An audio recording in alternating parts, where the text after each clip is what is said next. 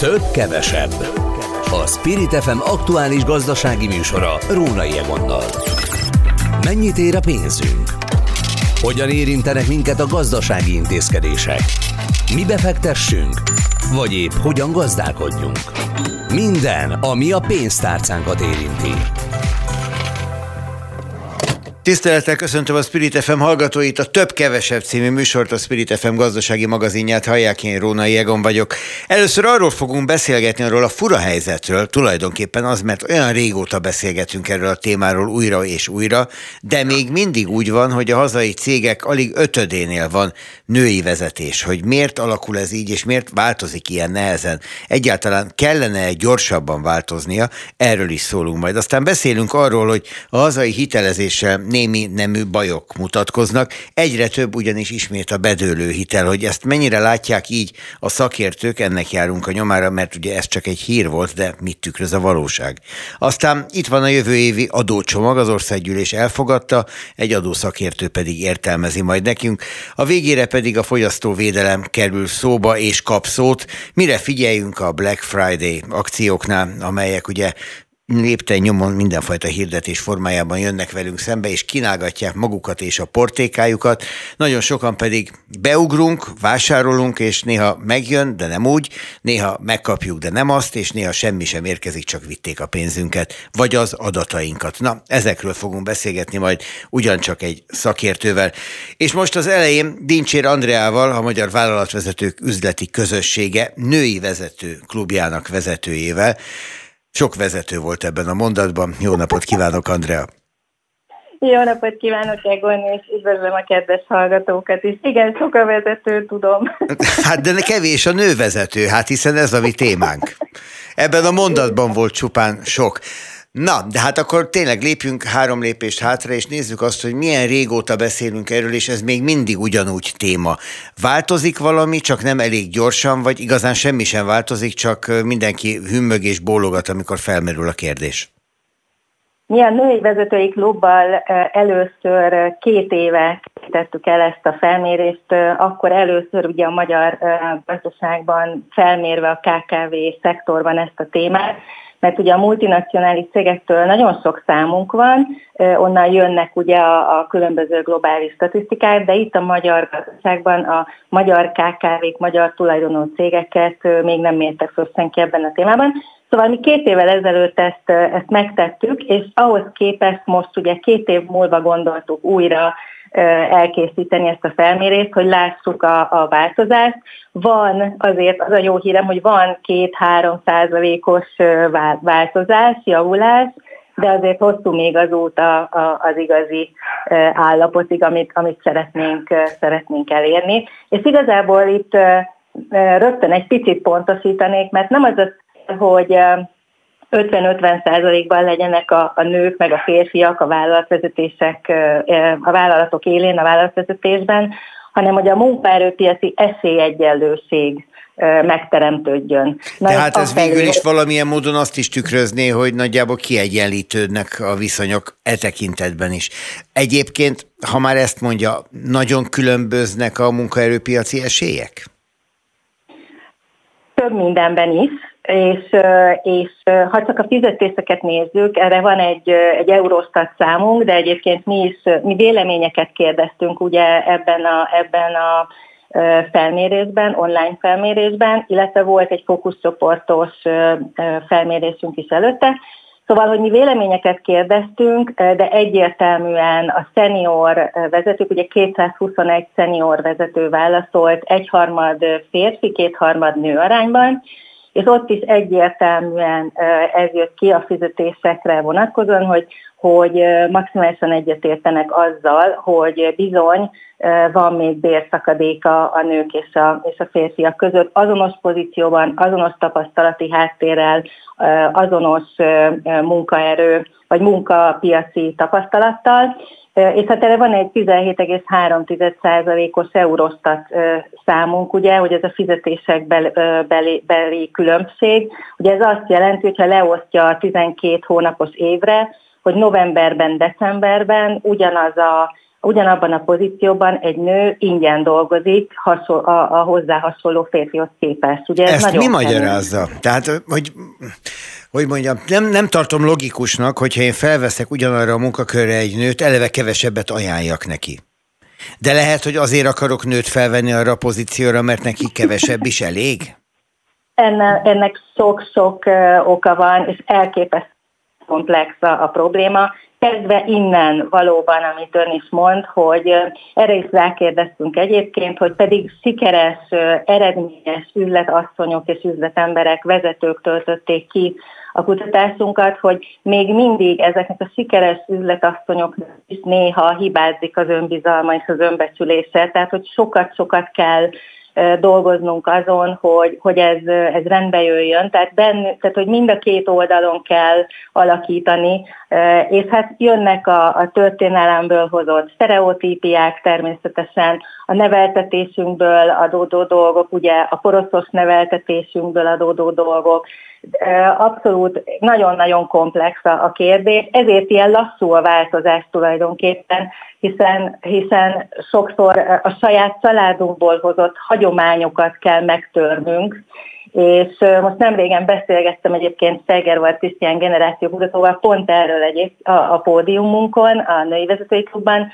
és, és ő mondta, hogy ez, ez egy elképesztően kemény munka mind a két oldalon, hogy a, a női vezetőknek nincsen még arra igazán sok és jó példájuk, hogy hogyan lehet édesanyaként, családanyaként sikeres karriert építeni, a férfiaknál, a férfi vezetőknél, mert arra, arra hiányzik még a, a, a, sok minta, a nagy számú minta, hogy hogyan lehet sikeres vezetőként igazán édesapaként is jól működni. Ugye milyen szép ez a kettősség az élet Hát igen, illetve talán az édesapáknak jobban megbocsátja a társadalom, és még a családjuk is, hogy azt mondják, hogy nekem a munka, mert hogy hát el kell tartani a családot, megvan ez a sztereotípia, miközben a nőket gyakran talán azért nem akarják felvenni megfelelő számukra megfelelő presztízsű és fizetési munkába, mert majd úgyis elmegy szülni, és akkor mit csinálok? Hát igen, ez egy komoly, komoly kérdés ugye a, a cégvezetők számára. Én azt gondolom, hogy, hogy a megfelelő humán erőforrás politikákkal, a megfelelő humán erőforrás programokkal, a vezetőség képzésével, előre tervezéssel, a munkatársak karrier tervezésével. Ez egy, ez egy ahogy érzi, sorolom a, a területeket, ez egy komoly HR probléma, de hogy ezekkel azért ez, ez megoldható. Ha fölveszek egy fiatal akár egy fiatal embert egyébként, vagy egy fiatal hölgyet, nyilván benne van az ő életpályájában, hogy ott gyermekek fognak születni, és azt én ügyesen, ha tudom integrálni a, a cégem folyamataimba, a fejlődésébe, akkor ez nem okozhat Sőt, hát talán egy igazán jó cég még bátorítja is, hogy telepedjen meg az életében mondjuk egy családban, és, és élvezze az életnek a mindenfajta aspektusát. Amikor, amikor arról beszélünk, hogy női vezető, akkor arról is beszélünk, hogy mondjuk egy női vezetőt is rosszabbul fizetnek? Mert hogy a beosztottnál az ember ezt még csak-csak érti, de a vezetők is rosszabbul keresnek? Abszolút, hallottam. Hát ugye hozzánk automatikusan érkeznek ezek a történetek, és, és hát elég hajmeresztő történeteket hallok. Igen, elég magas vezetői pozícióról is, pozíciókból is, de ugye nem, nem, is csak a, nem is csak a fizetésekben van, van, van, van, van különbség igazából, hanem, hanem van egy ilyen álláspont is, ezt is egy, egy nagy cég első számú női vezetőjével beszélgetve egyébként pódiumon mondta ő ki, hogy amikor megkapta ezt a pozíciót, akkor a, legnagyobb problémája az az volt, hogy azt érzékelte, hogy a komoly üzleti döntések még mindig inkább a focipályákon, szivarszobákban és vadászatokon születnek, és hogy ő sem, egyiket sem szerette volna se szivarozni, se focizni, ugye se vadászni, és hogy az volt az első nagy kihívás, hogy hogyan jut az üzleti döntések közelébe. Tehát ilyen, ilyen, ilyen különbség. De árulja majd akkor el azt is, hogy mi volt a megoldás erre. Hát nyilván itt a, a, az üzleti kapcsolati háló erős fölépítése, Arra ugye érdemes odafigyelni, hogy nőként ne váljunk férfivá, ugye egy ilyen helyzetben sem, tehát hogy ne akarjunk annyira megfelelni, hogy, hogy elférfiasodunk. Hogy még a les szabályt is megtanulja a helyet, hogy mondjuk egy divat bemutatóra menne. Ugye, hogy milyen sztereotípiák ezek?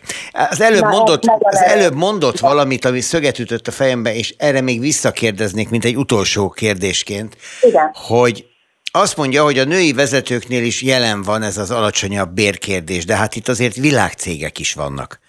Tehát Igen. amikor azt mondtam az előbb, hogy azt még csak-csak értem, hogy van egy, egy a patriárkus társadalomban meggyökeresedett férfi vezető, aki azt mondja, hogy ennek a lánynak elég lesz kevesebb is, majd a férfiak a javát úgyis elvégzik helyette. De amikor a világcégek így neveznek ki valakit, az bord döntés. Az egy ezen túlmutató gondolkodás.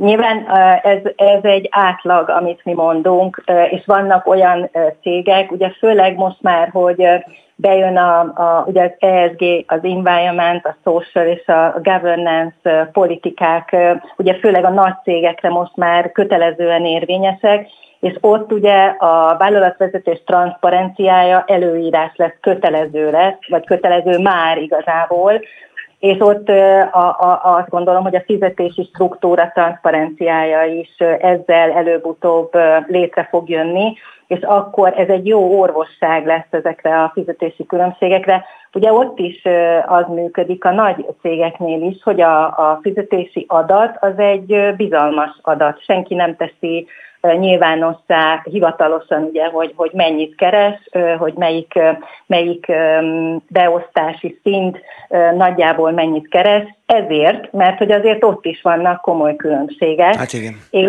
és bizony ott is előfordul ez. Nem egy, nem két ilyen történetet, konkrét történetet hallottam. Na hát akkor én is jövök itt egy focis hasonlattal, az például nagyon jó, hogy a világfutballban a komoly e, nagy klubok fillére pontosan kirakják, hogy egy-egy játékosuk, edzőjük mennyi pénzt keres, az egy teljesen transzparens adat. Na Magyarországon még azt sem lehet nagyjából tudni, hogy százezrekről, milliókról vagy százmilliókról beszélünk. Csak mendemondák vannak és sejtések. Ez elken mindent, és valóban, ahogy mondja, hogyha minden ilyen adat transzparens, nyilvános lesz, akkor valószínűleg nem lehet sumákolni emberek fizetésével sem. Hát sokkal kevésbé, ez biztos. Köszönöm szépen, hogy beszélettünk erről. Dincsér Andrát hallottak a Magyar Vállalatvezetők Üzleti Közösségének női klubja vezetőjét. Köszönöm szépen. Én köszönöm a beszélgetést. Viszont hallásra. Viszont hallásra. Több, kevesebb. Több, kevesebb. A Spirit FM aktuális gazdasági műsora. Rónai Egonnal. Folytatjuk a Spirit FM gazdasági magazinját. Itt van a vonalban Erdősi Éva, hitelsikerek.hu, hisz ismerik, hallották már ebben a műsorban is jó néhányszor. A mi szakértőnk mondjuk lakossági hitelezés ügyben elsősorban. Jó napot kívánok, Éva! Jó napot kívánok! És hát igazán azért hívtuk, mert van itt egy eléggé elkeserítő adat. Egyfelől, hogy több éves mélyponton a hazai hitelezés, ez nem jó a gazdaságnak, és nyilván nem jó a bankoknak, de a másik fele az még rosszabb, hogy az első fél évben a már tartósan nem fizető kölcsönök aránya a moratórium megszűnése ellenére is hát elég érdekesen alakult, és még azon túl is romlott a második fél évre ez az adatsor. És hát egyfelől arra lennék én kíváncsi, hogy mi változhatott, másrészt, hogy van-e ma valami segítség azoknak, akik a hitelfizetéssel bajba kerülnek? Hát ugye a, a fizetési morál az azért romlik, mert az infláció az nem csökken illetőleg nem csökken abban a mértékben, hogy az érezhető legyen a pénztárcánkra vonatkozóan. Igaz, hogy most már megjelent, hogy a minimálbér is emelkedni fog, és hogy egyébként minden ö, vállalkozás is megtesz, a, megtesz mindent azért, hogy a profitja meglegyen, de azért a foglalkoztatási helyzet sem kellőképpen jó, és mindez a két dolog indokálja azt, hogy kevesebb hitelt veszünk föl, mert nem is tudunk fölvenni, mert nincs akkora jövedelmünk, vagy már el vagyunk adósodva. Másrésztről, akiknek fizetni kellene, azok se feltétlenül tudják fizetni a kölcsöneiket. Tehát, hogy ez a helyzet mindaddig, amíg egyébként sajnos ebben a rossz helyzetből ki nem keveredünk, hogy ez az infláció olyan mértékben fog majd csökkenni, hogy ne érezzük hónapról hónapra, hogy mindenhol egyre többet kell kifizetnünk, mert amikor a, a család abban a helyzetbe kerül, hogy a kasztájában megvan, hogy mennyi érkezett be, és mit kell abból kifizetni, akkor elsősorban ugye megélhetésére fogja fordítani azt az összeget, és a végére marad majd a hiteltörlesztés, bízva abban, hogy majd talán a jövő hónapban jobb lesz, és akkor ha elmaradok egy részlettel, ami mondjuk 50 ezer forint, az a jövő hónapban már 100 ezer forintot plusz késedelmi kamatot kellene, hogy befizessek, tehát egyre rosszabb a helyzetük, és akkor ilyenkor a legtöbben struc módjára bedugják a fejüket a homokba, és azt mondják, hogy nem baj, majd lesz majd jövő héten, vagy majd a következő hónapban, meg majd utána, és nem kalkulálnak azzal, hogy ezt nem lehet a végtelenségig csinálni. A lehetőség, amiről rákérdezett, lehetőségem ugye van bemenni a pénzintézethez, és azt mondani, hogy kérek haladékot. Erre hogy szoktak reagálni? Első körben én azt gondolom, hogy ha valakinek nincs még hátraléka, és ezt jelzi, vagy csak egy vagy két hónapos van, akkor ezt el lehet érni, hogy ő ezt megkapja. De ezzel nem leszünk igazából jobb helyzetben, hiszen a moratórium is csak azt jelenti, hogy kevesebbet kellett most fizetnem, de ennek előbb-utóbb meg kell majd azt fizetnem, ami ténylegesen kellett volna. Vagy kitolódik a futamidőm, és még tovább kell fizetnem, vagy emelkedik a részletem, mert ugye ez megállapodás tárgya majd, hogy hogy is fogom ezt kiegyenlíteni. Tehát, hogy ez egy nagyon-nagyon rossz helyzet, hogyha valakinek nincs mobilizálható tartaléka, hogy egy ilyen helyzetben azt be tudja szuszakolni, akkor jön az, hogy hát sajnos egy mondjuk egy 1-2 millió forintos kölcsönnel is el lehet csúszni, mert elveszthetem az állásomat, mert beteg lehetek, mert bármi történhet ebben az életben, amire nem készültem föl. Tehát mindenképpen én javaslom azért, hogy próbáljuk meg, hogy kérjünk egy kis haladékot. Ne legyünk hátralékban, mert minél előbb keverünk a hátralékba, annál előbb veszélyeztet bennünket az a helyzet, hogy akkor valami történni fog. Mi történik? Amikor... Na, akkor modellezzük tovább. Hátralékba kerültem, bementem a bankba, vagy nem kerültem hátralékba, csak tudom, hogy bajban vagyok. Bementem a bankba, kértem moratóriumot, azt mondták, hogy adnak egy kis haladékot. Oké, okay, de ettől nem oldódott meg a helyzetem. Tehát nem? ugyanúgy nem fogok tudni fizetni, és akkor mi történik? Jó, de hogyha mondjuk kaptam egy moratóriumot, egy hat hónapot, akkor az alatt a hat hónap alatt azért a családnak ezt a házikasztát át kell gondolnia, hogy amikor ez letelik és újra el kell kezdenem fizetni, akkor azt miből fogom tudni megtenni. És valamiről le kell mondanom. Ez ugye a legnehezebb, hogy miről fogok lemondani. Ahhoz, hogy ezt a pénzt előkerítsem. De ha tegyük fel a legrosszabb helyzetet, nem tudok már miről lemondani, nem tudok már fizetni, akkor jön az, hogy kapom a felszólító leveleket, majd aztán felmondják a tartozásomat. Ha felmondják a tartozásomat, az már egy nagyon rossz helyzet, mert akkor a teljes tartozás egy összegben esedékessé válik. Ez még mindig nem jelenti azt, hogy ne tudjak megállapodni a bankkal, hogy de fizetni akarok. És akkor beszéljük újra, hogy akkor hogy is tudnám én ezt kiegyenlíteni. Mert bár nem hisszük, de a banknak is érdeke, hogy valahogy benn maradjak ebben a hitelben. E, hát nem az, hogy nem a hitelben maradjak benne, hanem hogy legyen egy olyan megállapodás kettőnk között, amit ő várja, mert ő pénzt akar. Ő nem akar végrehajtani. Ő nem akar ingatlanokat, nem akar, ő a pénzét akarja. Na most úgy nagyon nehéz pénzt akarni, hogyha én meg nem tudok miből adni. Mert amikor eljön az a helyzet, hogy és egyébként mondjuk letét, mert hogyha a felmondásnak ugye az a következő lépése, hogy végrehajtanak. A végrehajtás az ugye pénzkövetelésre megy, tehát első körben megnézik, hogy van-e jövedelme és hogyha nem olyan nagy összegű, tehát mondjuk egy 5 millió forintig, akkor a jövedelemből kezdi el tiltani azt a végrehajtó. Ha magasabb az összeg, akkor nyilván már veszélybe van, hogyha van valamilyen ingatlan a nevemen, hiszen akkor a végrehajtást arra is folytatják. És akkor van az, hogy lehet, hogy felvettem egy két millió forintos eh, fogyasztási hitelt, és elviszik a házam. Ha elviszik a házam, jó, menjünk, menj, ezen most akkor menjünk végig. Elviszik a házam, ugye ott az érték nem az, amit én a piacon remélnék, hanem amennyiért gyorsan eladják, és amennyiért a, hát legyünk őszinték, a nepperek hajlandók alkudozni.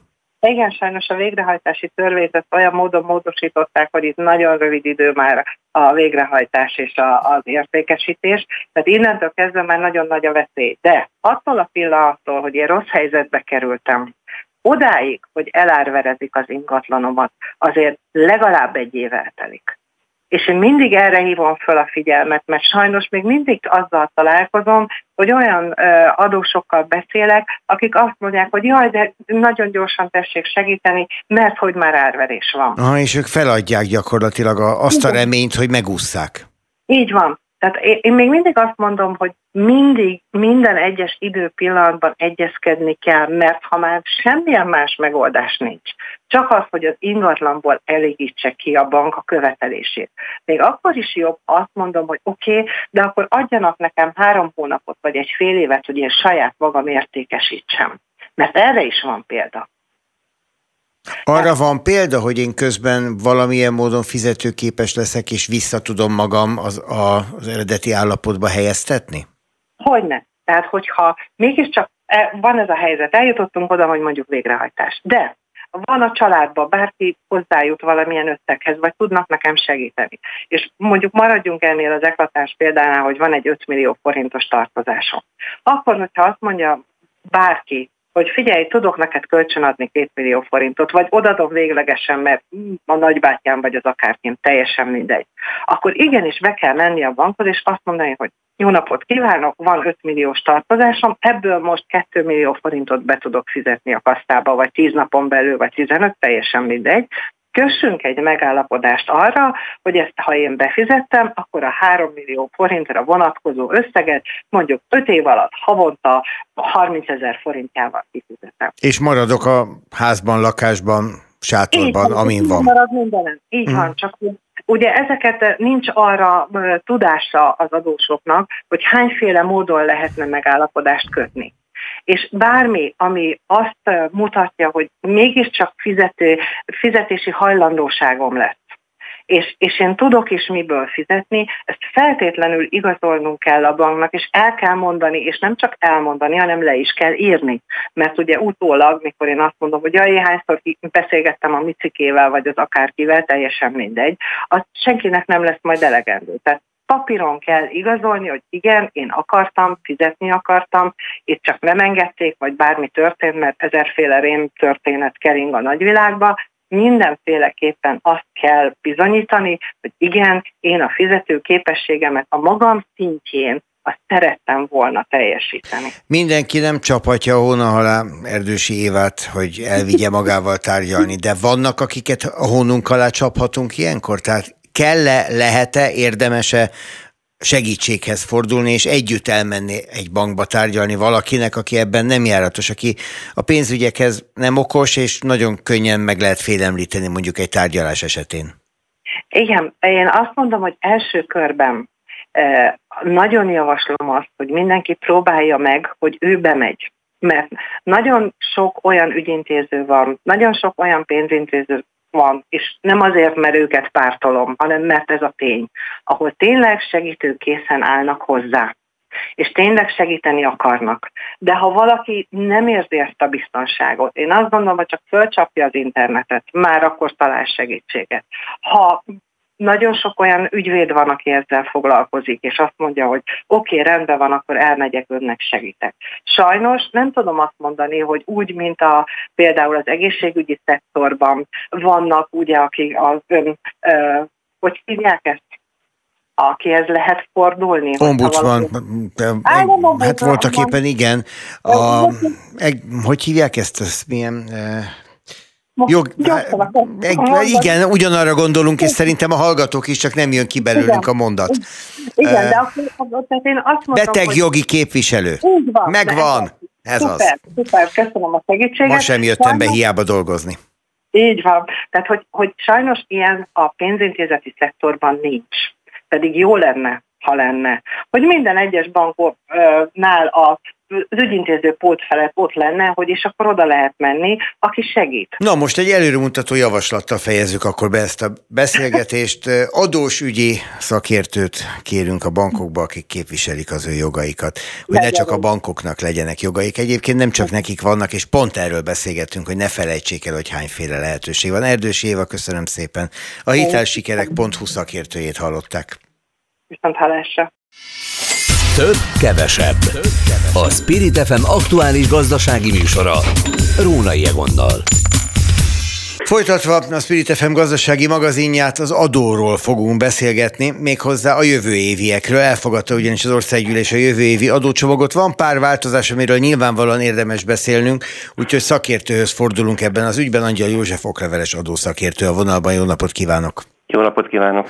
Nagyon sokakat meglepett, és hát kellemes meglepetés lehet nagyon sokaknak, hogy a vállalkozók számára a 2025-re ígért adó és járulékfizetési változtatásokat visszavonták, vagy nem szerepeltetik az adótörvényben. Ön mit gondol erről?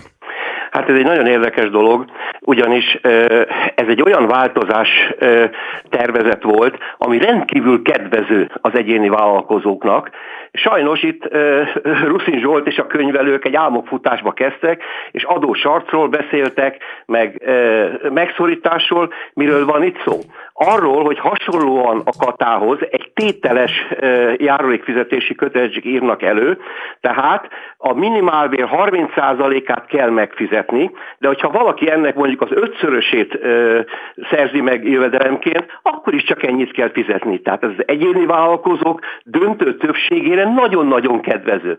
Amit ők fölhoztak példaként, hogy akinek nincs bevétele, annak is kell fizetni, hát könyörgöm, az egyéni vállalkozást nem arra hozták létre, hogy alvó vállalkozás legyen, hogy ne legyen bevétele, vagy ne érje el a minimálbér 30%-át, arra ott van az adószámos magánszemély, aki megteheti, hogy két évig nincs bevétele. Másrészt tulajdonképpen lehet szüneteltetni is az egyéni vállalkozást, tehát ez egy teljesen fals hír volt, egy felesleges hisztériakeltés, tehát még egyszer mondom, nagyon-nagyon kedvező, gondoljuk el, aki csak a minimálbért szerezné meg jövedelemként másodállásba, az harmad annyi járulékot fizetne.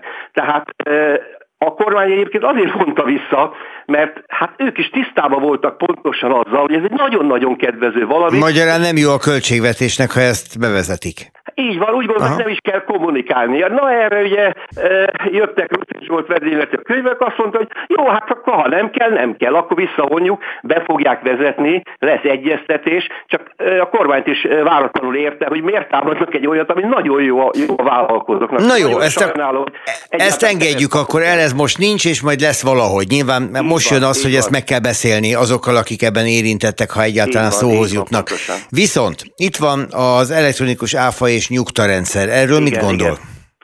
Ez már egy fontos, tehát itt az áfában két változás van. Egyik az áfa bevallás tervezet, illetve az online nyugta. Ez mind a kettő fontos változás, de nem elsősorban a vállalkozások szempontjából, hanem az adóhatóság szempontjából. Az online nyugtáról azt kell tudni, hát eleve azt is csak 2015-től vezetik be, tehát később, de e, itt az a helyzet, hogy amikor valaki nyugtával vásárol, azon nem kerül beazonosításra. Tehát e, azt nem lehet költségelszámolásra használni, nem tudjuk, hogy kivette meg. Éppen ezért az online nyugtához szinte kötelező, hogy a vásárláskor beazonosítsák a vásárlót, és utána le tudja utólag kérni ezt a online számlát egy felhőből. De azt tudni kell, és gondolom sokan találkoztunk már ilyennel, hogy miután valaki eljön a pénztártól, akkor elkezdi böngészni a listáját, a nyugta listáját, hogy vajon nem ütöttek be kétszer ugyanazt a terméket? Igen, vajon igen. rendesen számláztak-e? Na most ezt nem lehet kiküszöbölni. Szóval az embereket arra kényszeríteni, hogy majd ha hazamegy utólag nézze meg, már reklamálni sem lehet. Pénztártól távozás után nincs reklamáció, teljesen, hogy is mondjam, irreális az az elképzelés, hogy teljesen papírmentessé teszik a nyugtázást, kérni fogják. Én azt mondom, hogy ha 30%-ba sikerül ezt megoldani, elsősorban a fiatalok körébe, akik a mobiltelefonnal mindjárt le is tudják kérni, ez tulajdonképpen azért jelent az adóhatóságnak egy kedvezmény, mert ez az online nyugta, ez egy bővített adattartalmú ö, nyugta, tehát míg az eredeti nyugtán nem kell feltüntetni a termék megnevezését, egységárát, áfa besorolását, ezen fel kell tüntetni. Tehát az online nyugta egy bővített adattartalmú, tehát az adóhatóságnak statisztikai célokat fog szolgálni, bővített adattartalom megy be, ami helyes, tehát nem azt mondom, hogy rossz, de, de az a fele nem igaz, hogy ettől mennyire egyszerűbb lesz az élet. Viszont én azonosítható leszek ezzel az, a nyugtával, az e-nyugtával? Mint vevő? A vásárláskor, tehát állítólag lesz a mobiltelefonon egy alkalmazás, ami lesz egy QR kód, ezt a QR kódot kell leolvasni a pénztárosnak, és ezzel hozzák össze a nyugtát, tehát a vásárlást a vásárlóval. Azért ez arról is szól egyúttal, hogy semmi ne fordulhasson elő, amiről nem tud, és nem tudja igen, a személyhez igen, kötni a NAV. Jó, tehát nem megyek bele az adatvédelmi aggályokba, tehát itt azt kell tudni, hogy, hogy itt, itt arról van szó, hogy az eddigi nyugtához képest egy bővített adattartalom fog bemenni az adóhatóságba. Jó, ennyi, nézzük a... és nem több. Jó, nézd, a többit megbeszéljük majd egy adatvédelmi biztossal. Az EÁFA rendszer, ugye itt Igen. az a vállalkozásokra érvényes értelemszerűen, és arról szól, hogy az adóhatóság eh, a rendelkezésükre bocsájtott adatok alapján egy bevallástervezetet készítenek, csak jóvá kell hagynunk. Igen, na most ezzel kapcsolatban az a helyzet, hogy ez viszont egy olyan intézkedés, ami valóban fehéríteni fogja a gazdaságot. Mert miről van szó? Ez az e-áfa bevallás, ez tartalmazza a vállalkozás által kibocsátott számlákat, illetve a vállalkozás által befogadott számlákat. Ennek a különbségeként meghatározásra kerül egy áfa, amit be kellene fizetni a költségvetésnek, és most azt mondom, hogy ez a bevallás tervezet nem más, mint egy szigorú figyelmeztetés az adózónak, hogy ennyi áfát legalább elvár tőled a költségvetést. Miért? A kibocsátott számlán szereplő áfát minden esetben be kell fizetni. Fiktív a számla, nem fiktív a számla, megvalósult a gazdaság, nem valósult meg, azt mindig be kell fizetni. A levonható áfánál ez a maximum, amit az adóhatóság oda tesz, nem biztos, hogy mindegyiket levonásba lehet helyezni. Tehát éppen ezért ez, ez a minimum. Ez azt jelenti, bár a jogszabályban az van, hogy 60 nap után törlésre kerül ez a bevallás tervezet, ha az adóhatóság két hónapon keresztül látja, hogy mondjuk ennek a vállalkozásnak be kellett volna fizetni ebbe a hónapban 5 millió áfát, másik hónapban 4 milliót, és ennél kevesebb bevallás nyújt be, akkor borítékolni lehet az ellenőrzést. Egyébként ez összhangban van azzal is, az adóhatóságnak egy adatbázist kell vezetni, amiben közzé teszi a legalább két hónapja a bevallási kötelezettséget nem teljesítő vállalkozásokat. Tehát tulajdonképpen ez ezt szolgálja, megint egy e, információ az adóhatóságnak, kérem szépen ez a vállalkozás kevesebb áfát vallott be, mint amit legalább meg kellene fizetni, és így rögtön ellenőrzés alá tudják vonni, nem tud eltérni. Tehát ez egy abból a szempontból helyes intézkedés, hogy fehéredni fog a gazdaság, de nem mondjuk már azt, hogy jaj, de jó lesz a vállalkozásnak. Ez egy szigorú ellenőrzés, nagyon helyes, tehát ezt is helyesre az intézkedést, csak, csak megint a kommunikáció kicsit... Hát a vállalkozások mozgástere, ez a bizonyos okos könyvelés, amit oly sokszor elvárnak a vállalkozások a könyvelőktől, hogy valamit találjanak ki, hogy kevesebb legyen. Hát ennek nyilván a terepe, a szerepe szűkülni fog. Így van, tehát mondok egy konkrétumot, nagyon sok vállalkozás csinálja, hogyha neki lenne mondjuk 1 millió forint áfa bevallási kötelezettsége, nincs ennyi pénze, akkor a könyvelők beszoktak adni egy nulla bevallást, majd egy hónap múlva önellenőrzéssel módosítják, mert akkor van meg a fedezete, és kifizetik az egy hónapra a jegybanki alkalmattal megegyező késedelmi kamatot. Tehát ezzel önmaguknak tudtak fizetési haladékot adni, na most ez megszűnik, tehát a, a kreatív könyvelés az egy kicsit tényleg vissza fog szorulni. Hát illetve a kérdés az az, hogyha ez látszik, hogy ez a gyakorlatban például gazdasági nehézséget okoz egyébként tisztességesen működő vállalkozásoknak, bár ugye azt szokták mondani, hogy az áfa nem a miénk, tehát azzal ne gazdálkodjunk, akkor lehet-e erre haladékot kérni, de ez egy másik messzebb vezető kérdés, és majd a gyakorlat mutatja meg, hogy a NAV ebben mennyire lesz rugalmas. Köszönöm szépen, hogy ezeket elmondta. Szerintem fontos néha rendet tenni a dolgok között. Angyal József, okleveles adószakértő volt itt. Több, kevesebb. Több, kevesebb. A Spirit FM aktuális gazdasági műsora. Rónai Egonnal. Mai utolsó beszélgetésünk itt a több-kevesebben a Spirit FM gazdasági magazinjában egy rendkívül aktuális témát hivatott körbejárni. Black Friday, a leárazási dömping, a karácsonyi ajándékvásárlási láz, és egyáltalán minden, ami ezt jellemzi, és az is, ami bárcsak ne jellemezni, az átverések hosszú sora. Tavaly 77 millió darab rendelést teljesítettek a magyar webáruházak, és hát nem csak a magyarok, hanem a Magyarországon jelenlévő a magyar nyelvű portálokat működtetők is ide tartoznak. Itt van a vonalban egy szakértő, ilyenkor az ember szakemberhez fordul. Kispál Edith, a Fogyasztóvédelmi Egyesületek Országos Szövetségének szóvivője. Jó napot kívánok! Jó napot kívánok! Az, hogy mi egészen hozzászoktunk már ahhoz, hogy nem a boltokban állunk sorba, hanem igazából a netes ajánlatokat böngészünk, az normális, hát ilyenné vált a világ. De ilyenkor az arcunkba is jön a rengeteg, csak most, csak ebben a pillanatban, csak a Black Friday alkalmával típusú hirdetés, ami nyilván vásárlásra is ösztönöz vásárlásra is ösztönöz, és ezeknek nem mindig szabad hinni azért. Tehát, hogyha van időnk egy kicsit is böngészgetni eh, a neten, akkor azért mindig nézzünk utána, hogy ami hirdetés érkezett, esetleg más weboldalon nem lehet-e, hogy az alapára is annyi, mint amit éppen az eh, óriási akció. Eh, akar egy másik weboldal nekünk eladni. Tehát azért tényleg nagyon oda kell erre figyelni. Ha valaki helyesen, tudatosan, mm, visszafogottan tudja kezelni a, a netes vásárlást, akkor, akkor csak előnye származhat szerintem belőle, de, de ezt tényleg így kell tudni. Kezelni. Hát onnan érdemes kezdeni, nyilván, hogy megnézzük ezt az árat. Tehát, hogyha tetszik egy hirdetés, egy ajánlat, akkor arra rákattintva jegyezzük meg az árat, és keressünk a neten hasonló terméket, vagy ugyanazt be kell írni a termék nevét, és megnézzük, hogy az mennyi. De Ennél van egy sokkal nullább típusú probléma, hogy lehet, hogy nem is létezik az a webáruház. Tehát valahol én egy jó ajánlatra rákattintok, megállapítom, hogy ez tényleg jó, csak soha nem érkezik meg a termék. Mm, ez is elkezdett. Maga a webáruház az, az fog létezni, csak semmilyen adatot nem fogunk tudni róla, mármint az azt üzemeltető cégről, magánszemélyről, bárkiről.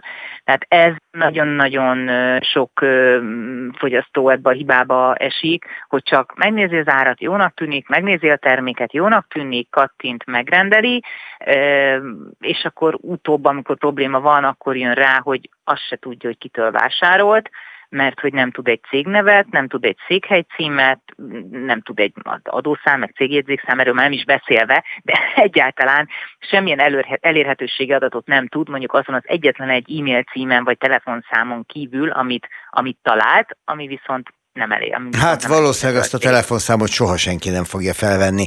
Mi az, ami nekünk legyen gyanús az első pár kattintás alkalmával? Mondjuk elmegyek végig a vásárlási folyamaton, és ott, ott tartok, hogy fizetés. Ott például mire figyeljek?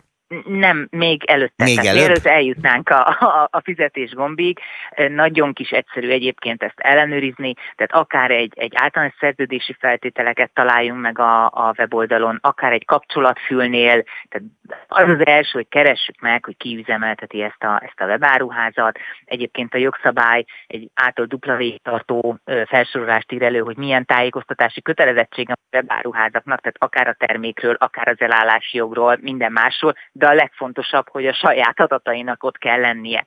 Tehát ha ilyet nem találunk, csak egy ilyen elektronikus felületen meg lehet rendelni a terméket, vagy csak telefonon lehet megrendelni a terméket, akkor azonnal lépjünk el arról a weboldalról, és ne vásároljunk tőle. Uh-huh. Én mégis visszamegyek odaig, hogy ekkora balek voltam, eljutok a fizetésig, és ott azt mondja az oldal, hogy kizárólag bankkártyával, és én azt gondolom, hogy ez önmagában nem fair, mert hogyha jön a futár, fizethetek nála is, fizethetek készpénzben is. Mi az, hogy csak bankkártyával, csak előre? Ez, ilyen, tehát jogi szempontból ennek nincsen akadálya, hogy ezt írja, abból a szempontból még akár szerencsésebb is lehet, hogy utóbb, hogyha valami probléma van, és nem tudjuk, hogy kitől vásároltunk, legalább mondjuk a, a, a bankszámlát meg tudjuk nézni, vagy a bankon keresztül, hogy akkor hova utaltuk, hova ment el ez a pénz. Tehát legalább ennyivel előrébb vagyunk, míg hogyha a futárnak készpénzben fizettünk, akkor ezt se fogjuk tudni meglépni. Ez igaz, viszont a bankkártya adataimat nem lopták el az megint más jellegű, hogy mikor tudják ellopni és hogyan ezeket a banki adatokat, azok inkább ilyen, ilyen adathalász SMS-ekben szoktak érkezni mostanság, tehát nem a, a, a weboldalon, amikor megadom. Egyébként erre van egy nagyon ö, egyszerű megoldás, amit én mindenkinek szoktam javasolni, majdnem minden banknál, vagy bankszámlához kötődően van bankkártya az embernek, van ilyen online bankkártya, vagy elektronikus bankkártya lehetőség, amit egyébként ugyanúgy plastik formában is megkap az ember, de boltban nem tud vele fizetni, és egy forintos a, a limite, amit mindig egyesével lehet felállítgatni, hogy akkor most felállítom 15 ezer forintra, fizetek azzal, a, a webáruházba, utána 24 órán belül visszaállítódik egy forintra, vagy akár én visszaállítom rögtön egy forintra, és hiába szerezték meg annak az adatát, nem fognak tudni mit kezdeni vele. Még Mert, egy dolgot hadd kérdezek, ez szerintem fontos és elég gyakori. Ugye egy csomó webáruház különböző nyelvű mutációkat működtet a saját webáruházából, nem is elsősorban a magyarok, hanem a nemzetköziek és mondjuk az ázsiaiak. Az, hogy az egyik honlap címről átkerülök a másikra, miközben én benne vagyok egy vásárlási folyamatban, az gyanús vagy normális? Az gyanús lehet már, az mindenképpen gyanús. Egyébként is azt végig kell gondolni, hogy ha nem is magyar webáruháztól vásárolunk, de hogy azért legalább mondjuk Európai Uniós legyen. Tehát ugye más, más jogi védelem illet meg minket. Egy ázsiai webáruháztól semmilyen jogi védelmet nem fogunk tudni kapni. Black Friday van, óriási kedvezmény, mindent elmondanak, csak azt nem, hogy mondjuk, hogyha nem tetszik a termék, akkor mi a dolgom, vagy ha hibás a termék, mit tudok csinálni.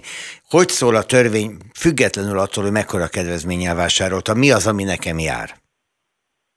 Hát ha hibátlan termék, azon az Jó, áron. de hát mondjuk kicsi a cipő, nagy az ing, és szakadt a sapka. Jó, e, ezek különböző problémakörök. Hát persze. Tehát, ha csak nem, tehát hogyha online vásároltunk, és nem jó méret, nem tetszik, nem az a szín, amire mi gondoltunk, teljesen mindegy, meggondolhatjuk magunkat indokolás nélkül. Ez a termék készhetvételétől számított 14 napig van erre lehetőségünk. Írásban kell bejelenteni az elállási szándékunkat, illetve vissza is kell küldeni a terméket a, a kereskedőnek. Ilyenkor a visszaküldés költsége az minket terhel vásárlókat, viszont vissza kell kapnunk az elő előtte teljes összeget, amit kifizettünk, tehát a vételárat, illetve a felénk történő kiszállításnak a díját. Ilyenkor nem kell egy komplet szerelmes levelet írnunk, ugye? Tehát elég azt leírnunk, hogy, hogy elállunk a vásárlástól. Elállunk, a, igen, élünk az indokolás nélkül elállási joggal. Egyébként minden egyes webáruháznak a, a weboldalán kell fent lenni kötelező jelleggel elállási nyilatkozat mintának is, ami összesen öt sor az egész, tehát semmi komplikált dolog nincsen benne, de a saját szavainkkal is leírhatjuk, tehát ennyi a, a tudomány tudománya, és a másik eset, amikor viszont hibás, mert hogy szakadt, vagy, vagy tehát bármi problémája van a terméknek, nem kaptunk meg minden darabot belőle, akkor ott hibás teljesítésről beszélünk, akkor is írásban fel kell venni a kapcsolatot a kereskedővel, de akkor nem ö, első körben nem a vételárat kérhetjük vissza, hanem kijavítás, kicserélés, és ha ez nem ö, jár sikerrel, akkor lehet áttérni a vételár visszatérítési igényre. Hmm. Köszönöm, és fontos dolgokat tudtunk meg öntől, azt külön köszönöm, hogy végigvitt minket a vásárlási folyamaton. A Black Friday az nem azt jelenti, hogy vásárolni kell, hanem hogy lehet, ha érdemes, meg ha pont arra van szükségünk, és figyeljünk akkor is a vásárlói jogainkra, hogyha belekeveredtünk valami hihetetlenül jó kedvezménybe. Kispál Edith volt itt velünk, a Fogyasztóvédelmi Egyesületek Országos Szövetségének szóvivője. Örülök, hogy beszélhetünk. Viszontlátásra. A mai műsorban a szerkesztő Szabó Bettina volt, én Rónai Egon vagyok, eddig tartott a több, kevesebb műsora. Töltsék kellemesen a napot, vásároljanak óvatosan, és hallgassanak meg minket holnap is. Viszontlátásra.